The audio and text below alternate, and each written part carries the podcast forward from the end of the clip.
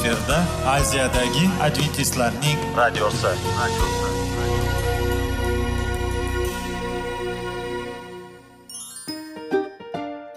Assalomu alaykum aziz radio tinglovchilar. Sog'liq daqiqasi rubrikasiga xush kelibsiz. Zero tananing sog'lom bo'lishi va uning kasalliklardan saqlash har bir insonning burchi hisoblanadi. Inson uchun bebaho boylik bu sog'liq salomatlikdir. Uni asrash esa har birimizga omonat qilib berilgan. Shuning uchun ham inson o'z sog'lig'ini ehtiyot qilishi va ajib amallardan hisoblanadi. Dono xalqimiz sog'liq tuman boylik deb bejiz aytmagan. Aql idroq sohibi bo'lgan inson o'z hayotini qadrlashi lozim bo'ladi.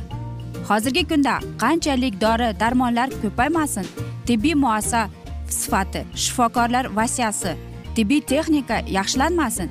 Agar insonning o'z salomatligi haqida qayg'urmasa kutilgan natijaga erishib bo'lmaydi va biz sizlarga bizning dasturimizga xush kelibsiz deymiz.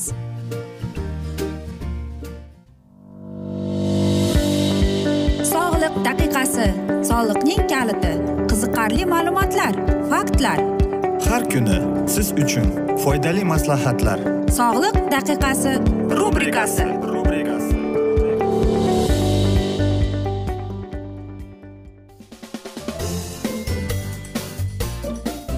assalomu alaykum aziz radio tinglovchilar. Dasturimizga xush kelibsiz va biz sizlar bilan besh daqiqa sog'liq uchun deb atalgan dasturimizda xushvaqt bo'ling deymiz.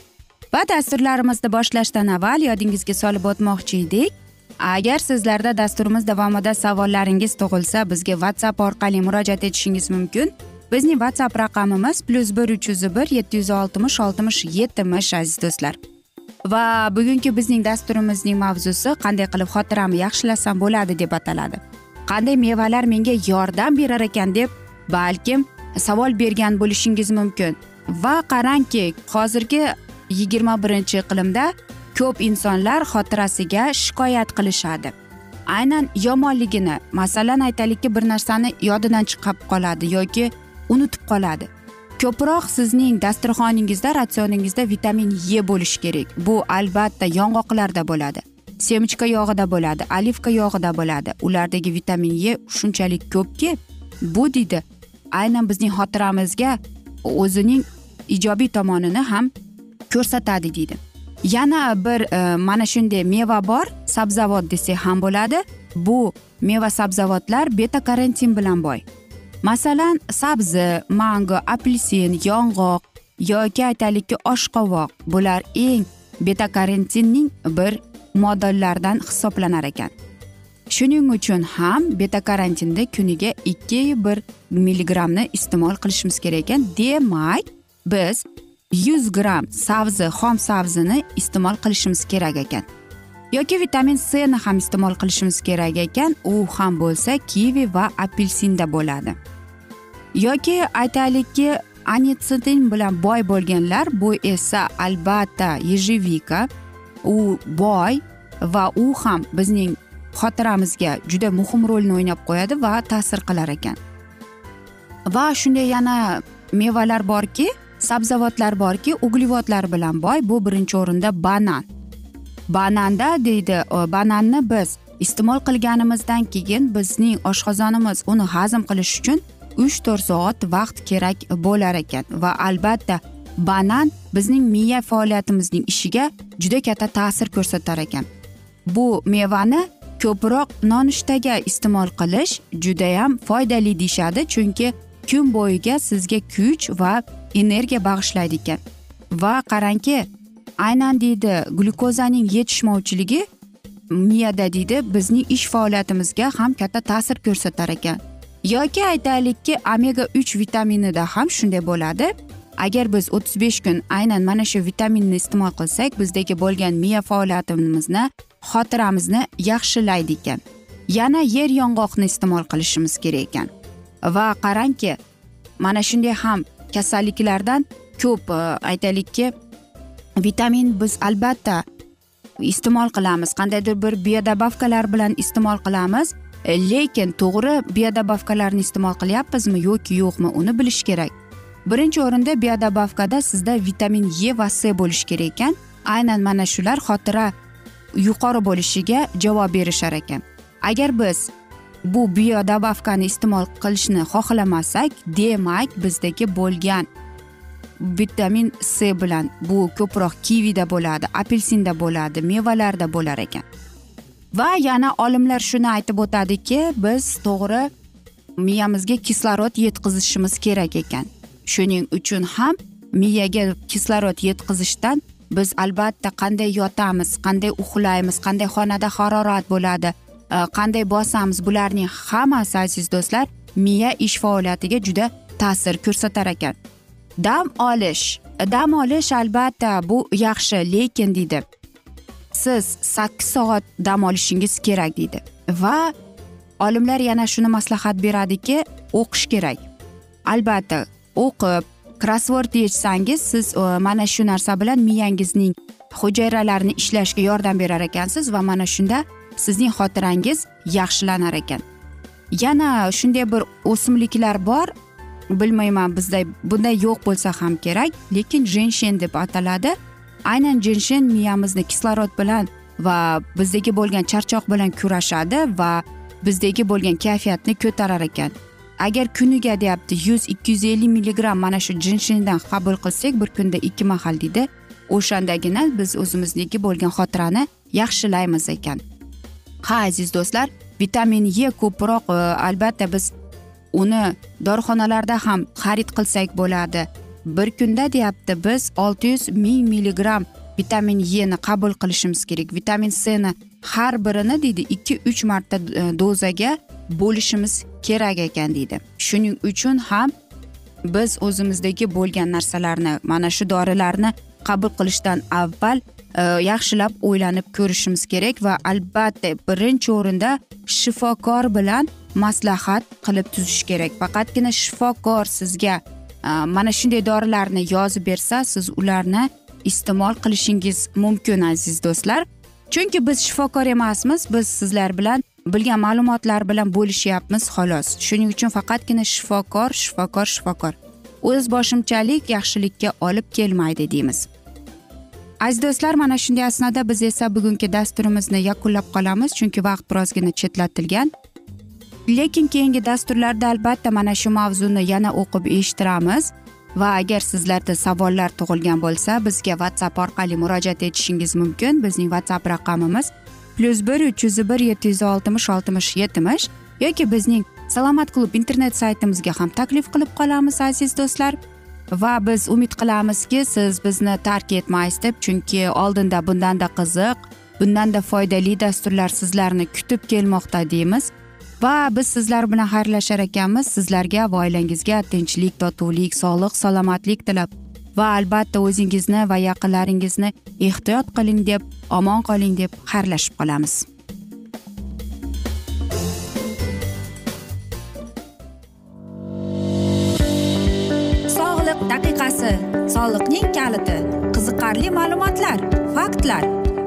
Kuni. Siz uchun foydali maslahatlar.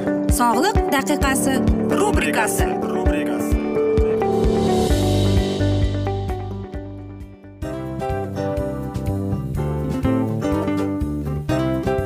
Mana ha hayotda hamma narsaning yaxshi narsalar tugaydi va yakunlaydi degandek bizning dasturimizga ham yakun keldi. O'ylaymanki bizning dasturimiz sizga foydali bo'ldi deb aziz radio tinglovchimiz. Va siz o'zingiz uchun kerakli xulosalar kerakli maslahatlar olib oldingiz. Aziz radio tinglovchimiz biz bilan qoling va keyingi dasturlarimiz albatta undanda qiziqroq bo'ladi. Mana shu alfozda sizlar bilan xayrlashib qolaman.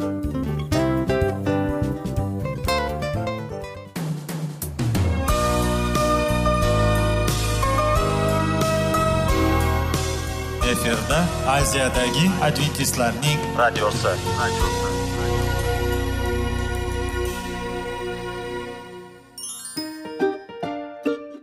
assalomu alaykum aziz radio tinglovchilarimiz. Dil izhori dasturimizga xush kelibsiz. Pul insonni baxtli qiladimi? Albatta yo'q. Sog'liqchi? Albatta bo'lishi mumkindir. Lekin olimlar shuni isbotlashdiki to'liq va mukammal munosabatlar insonlarni baxtli qilar ekan. Albatta biz hayot davomida biz yaqin insonlar bilan odamlar bilan aloqada bo'lamiz va ular bilan munosabatlarimiz qanday kechadi qanday tuziladi? Yigit va qiz er va xotin ota ona va farzandlar va yaqin insonlar bilan. Balkim hozirgi vaqtda kimnidir hayoti yoki munosabatlari buzilyapti va bizning dasturlarimiz ularga yordam bo'ladi deb va oldinda sizlarni qiziqarli intervyular va mavzular kutyapti va biz umid qilamizki siz biz bilan qolasiz deb.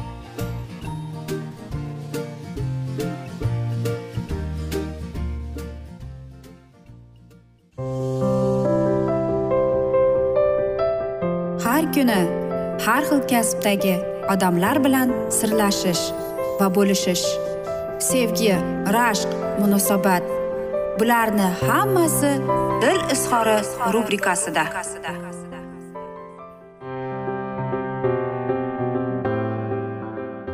Assalomu alaykum aziz radio tinglovchilar dasturimizga xush kelibsiz va biz sizlar bilan izlash va ushlab qolish degan dasturimizda xushvaqt bo'ling deb aytamiz. Va bugungi bizning dasturimizning mavzusi zamonaviy oila deb ataladi. Zamonaviy ya'ni simmetrik oilada er xotin o'zaro munosabatlari an'anaviy oiladagidan farqli o'laroq yoki bu oilaga egitlar. Fransuzcha tenglik oila ham deyiladi. Undagi barcha rollar haq u iqtisodiy gohu tarbiyaviy bo'lsin hammasi er xotin hamxo'rligida birgaligida amalga oshiriladi. Ular oila xo'jayinligini birga yuritadilar.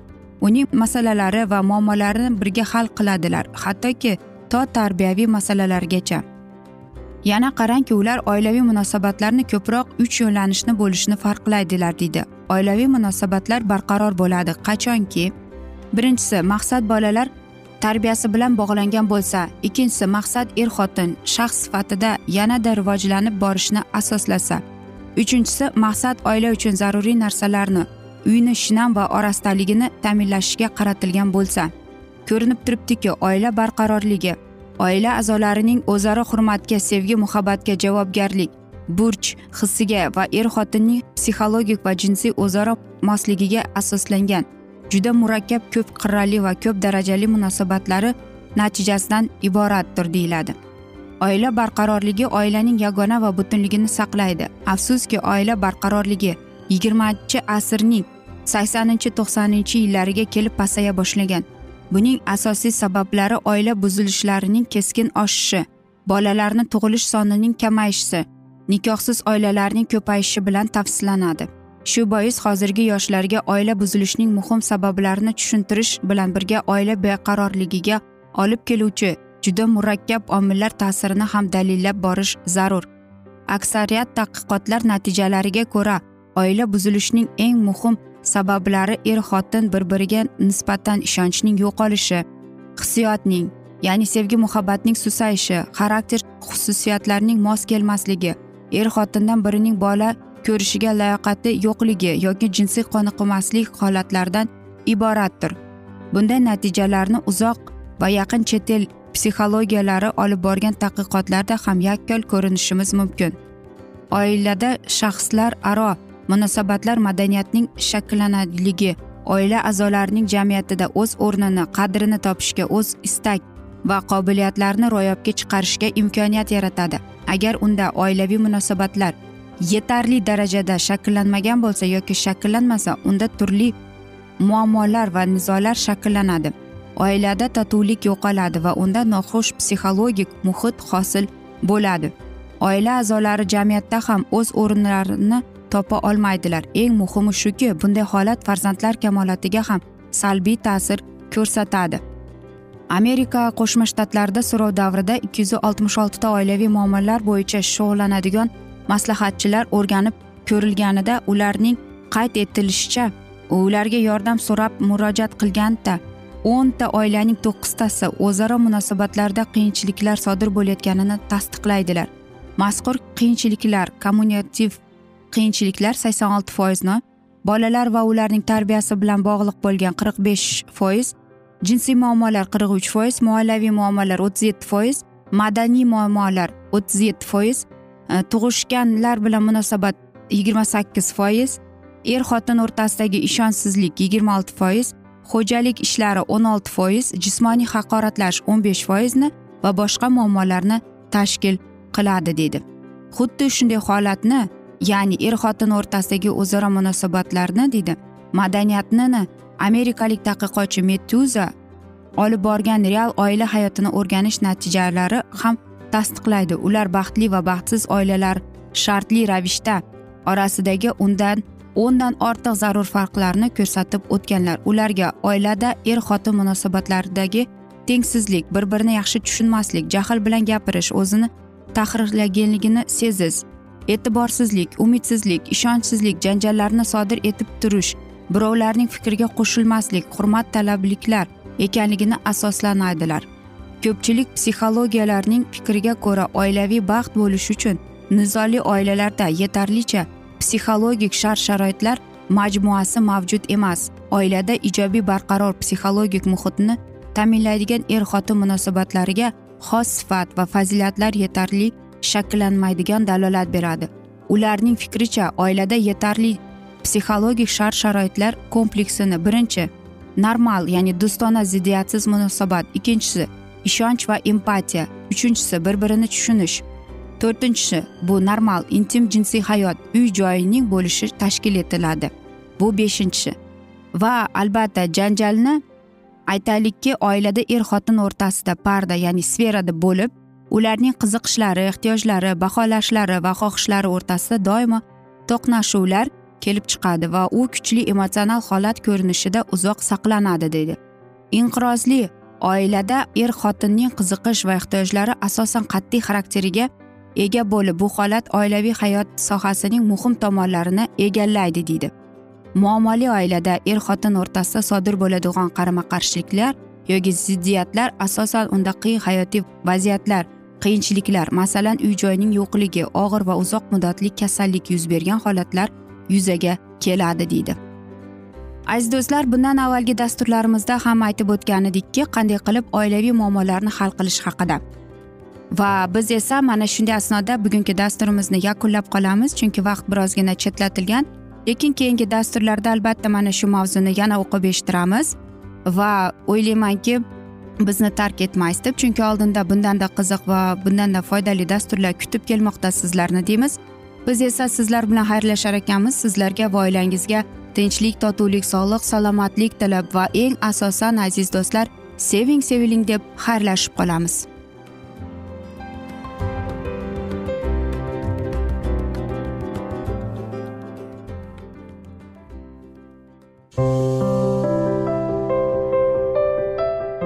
Har kuni har xil kasbdagi odamlar bilan sirlashish va bo'lishish sevgi rashq munosabat bularni hammasi dil izhori rubrikasida.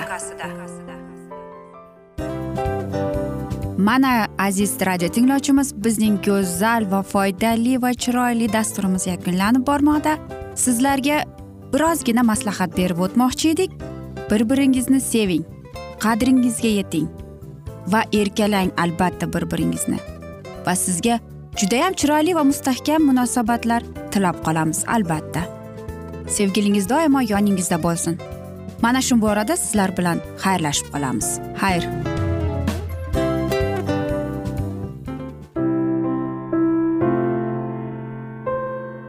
Hayotning noni. Qiziqtirgan savollar va javoblar. Buning hammasi ko'ngil uchun oziqa rubrikasida.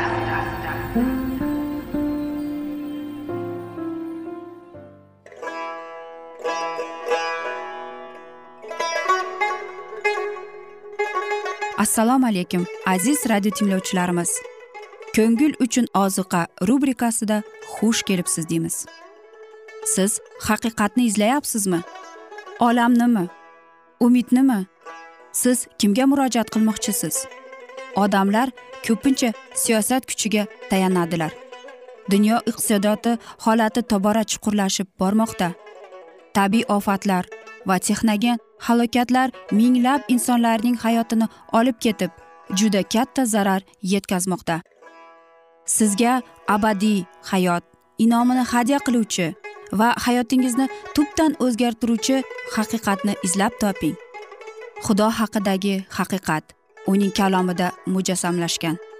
Kimki bu haqiqatni butun qalbi bilan izlasa albatta unga yetishadi.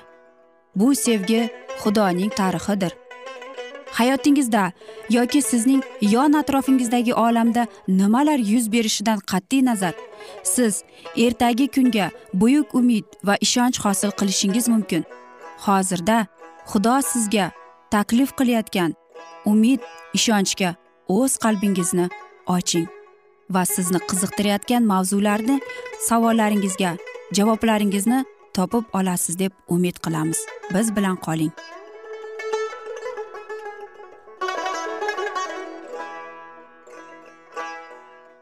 Assalomu alaykum aziz radio tinglovchilar. Dasturimizga xush kelibsiz va biz sizlar bilan ulug' otalar va payg'ambarlar deb nomlangan dasturimizda xushvaqt bo'ling deb aytamiz.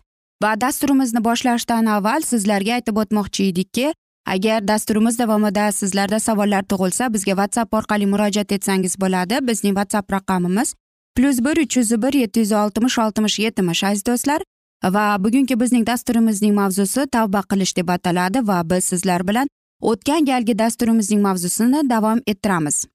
Muqaddas kitob ya'ni injil gunohkorga isoning ey og'ir yuk ostida qiynalib horib tolgan hammalaringiz mening huzurimga keling. Men sizga orom beraman deb taklifiga javob berish oldidan tavba qilishi lozim demaydi. Haqiqiy tavbaga masihdan chiqadigan kuch olib keladi.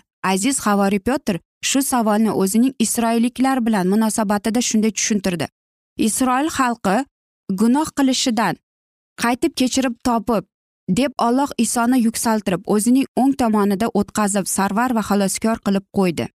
Bizlar masihdan tashqari kechirimga yetisha olmaganimiz kabi vijdonimiz uyg'otadigan masih ruhidan tashqari tavbaga kela olmaymiz. Masih har bir to'g'ri tuyg'uning manbaidir faqat u bizning yuragimizga gunohga nisbatan nafrat sola oladi. Har bir haqiqatni va poklikni izlash o'zimizning gunohlarimizni ongli ravishda bilish bular uning ruhi bizlarning yuragimizga ta'sir qilganini isbotlaydi. Iso deydi men yerdan yuqoriga ko'tarilganimda hammani o'zimga jalb qilaman.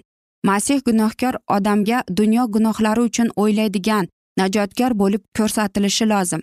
Va qachonki biz galgota xochidagi allohning qurbonlik qo'zisiga nazar solar ekanmiz shunda bizning ongimizda odamlarga najot topish yo'lining siri ochila boshlaydi va otamizning inoyati bizlarni tavba qilishga yo'llaydi. Gunohkorlar uchun o'lib masih aqlimiz bovar qila olmaydigan muhabbatni namoyon qildi va gunohkor shu muhabbatni ko'rganida uning yuragi yumshaydi va aqliga katta ta'sir qilib qalbida tavba qilish orzu paydo bo'ladi deyiladi.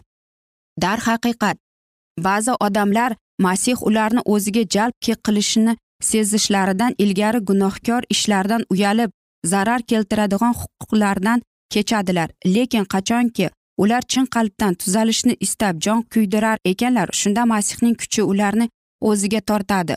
O'zlari payqamaydigan ta'sir jonga harakat qilishadi vijdon uyg'onadi va tashqi hayot tuzaladi. Va qachonki masih ularga uning hojiga nazar solishga intilish berar ekan shunda o'z gunohlari tufayli hojdagi najotkorga qaraganda uning amri ularning ongiga kiradi hayotlarining badnomi va yuraklariga tomir qo'ygan gunohlari ochiladi. Ular sekin sekin masihning adolatligini tushunib boshlab gunoh u nima? Uning amrida bo'lganliklarini qutqarish uchun shunchalik buyuk qurbon kerak bo'lsa nahotki bizlar nobud bo'lmasdan abadiy hayotga erishish uchun shunchalik muhabbat azob chekish kamsitilish kerak edi deb faryod qiladilar. Gunohkor shu muhabbatga qarshilik ko'rsata oladi. U masihning nidosini rad qilsa ham bo'ladi. Ammo lekin agar u qarshi turmasa u masihga jalb qilinadi. Najot qilish rejasi bilan tanishish uni gunohidan tavba qilgan holatda xochning tagiga olib keladi va sevikli allohning o'g'liga shuncha qayg'u hasrat yetkazganini tushunadi. Tabiatda harakat qiladigan ilohiy donolik insoniyatga murojaat qiladi va odamlarning yuraklarida qandaydir beqiyos chanqovni tug'diradi. Shu chanqovni hech bir dunyoviy orzu ehtiros qondira olmaydi. Allohning ruhi ularning tinchlik va orom beradigan yagona bir narsani qidirishga iltijo qiladi. U aynan masihning inoyati va muqaddasligining quvonchidir. Ko'rinadigan va ko'rinmaydigan ta'sir orqali najotkorimiz har vaqt odamlarning ongini qondira olmaydigan gunohli lazzatlardan ularning yuzini o'girtirib o'zi orqali yetishadigan sanoqsiz inoyatlarga odamning diqqatini yo'llaydi. Shu dunyoning siniq hovuzlaridan chinishga intilgan jonlarga ilohiy xabar bag'ishlanadi. Chanqagan kelsin xohlagan hayot suvidan tekin bahra olsin deb. Agar dunyo bera olmaydigan yaxshilikni butun joningiz bilan chanqar ekansiz shuni tushuningki bu chanqov sizning qalbingizda samoviy otaning tovushidir unda o'zingizga tavba qilish hisni masihni va uning cheksiz muhabbatini uning barkamol halolligini ochib berishni so'rang. Najotkorimizning hayotida olloh qonunning asoslari mukammal darajada ko'rsatilgan ushbu ollohga va insonga sevgi muhabbatidir. Mehru shafqat va o'zidan kechadigan muhabbat uning jonining hayoti edi. Unga qaraganda najotkorimizning nuri bizni yoritadi va biz o'z yuragimizning gunohlarini ko'ra olamiz. Balki nikadimga o'xshab bizning tabiatimiz va xulqimiz axloq qoidalarga yarashar. Hayotimiz esa benuqson deb o'zimizni balki ishontirishamiz. Lekin balki bizga ham oddiy gunohkorlar kabi parvardigorimiz oldida yuragimizni kamtar qilishga hojati yo'qdir. Lekin masih nuri bizning qalbimizni yoritganda biz hali nopok ekanimizni ko'ramiz. Biz shaxsiyatparast orzularimizni hayotimizdagi har qanday harakatni harom qiladigan allohga nisbatan adovatimizni tushunamiz. Ana shunda bir narsaga biz juda yaxshi yetisha olamiz. Ya'ni bizning solihligimiz haqiqatdan ifloslangan va tutilgan kiyimga o'xshashga va faqat masih qoni gunohimizning haromligini pok qilib uning ramzi bo'yicha bizning yuragimizni yangilay olishga. Aziz do'stlar mana shunday asnoda esa biz bugungi dasturimizni yakunlab qolamiz. Chunki vaqt birozgina chetlatilgan lekin keyingi dasturlarda albatta mana shu mavzuni yana o'qib eshittiramiz. Va agar dasturimiz davomida sizlarda savollar tug'ilgan bo'lsa biz sizlar bizga whatsapp orqali murojaat etsangiz bo'ladi. Plyus bir uch yuz bir yetti yuz oltmish oltmish yetmish bizning whatsapp raqamimiz. Va biz umid qilamizki bizni tark etmaysiz deb chunki oldinda bundanda qiziq bundanda foydali dasturlar kutib kelmoqda deymiz aziz do'stlar. Va biz sizlar bilan xayrlashar ekanmiz. Sizlarga va oilangizga tinchlik totuvlik tilab o'zingizni va yaqinlaringizni ehtiyot qiling deymiz.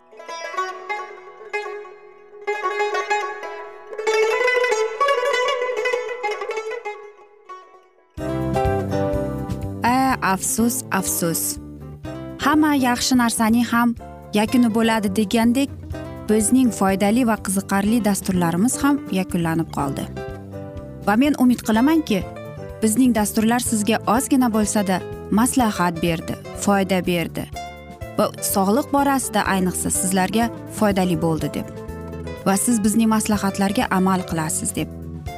Albatta keyingi dasturlarda undanda qiziqroq undanda foydaliroq ma'lumot berishga harakat qilamiz.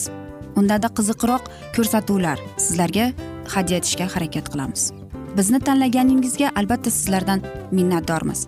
Sizlarga baxt omad va sog'liq tilab qolgan holda mana shu alfozda sizlar bilan xayrlashib qolamiz. O'zingizni ehtiyot qiling sog' bo'ling omad sizga xayr.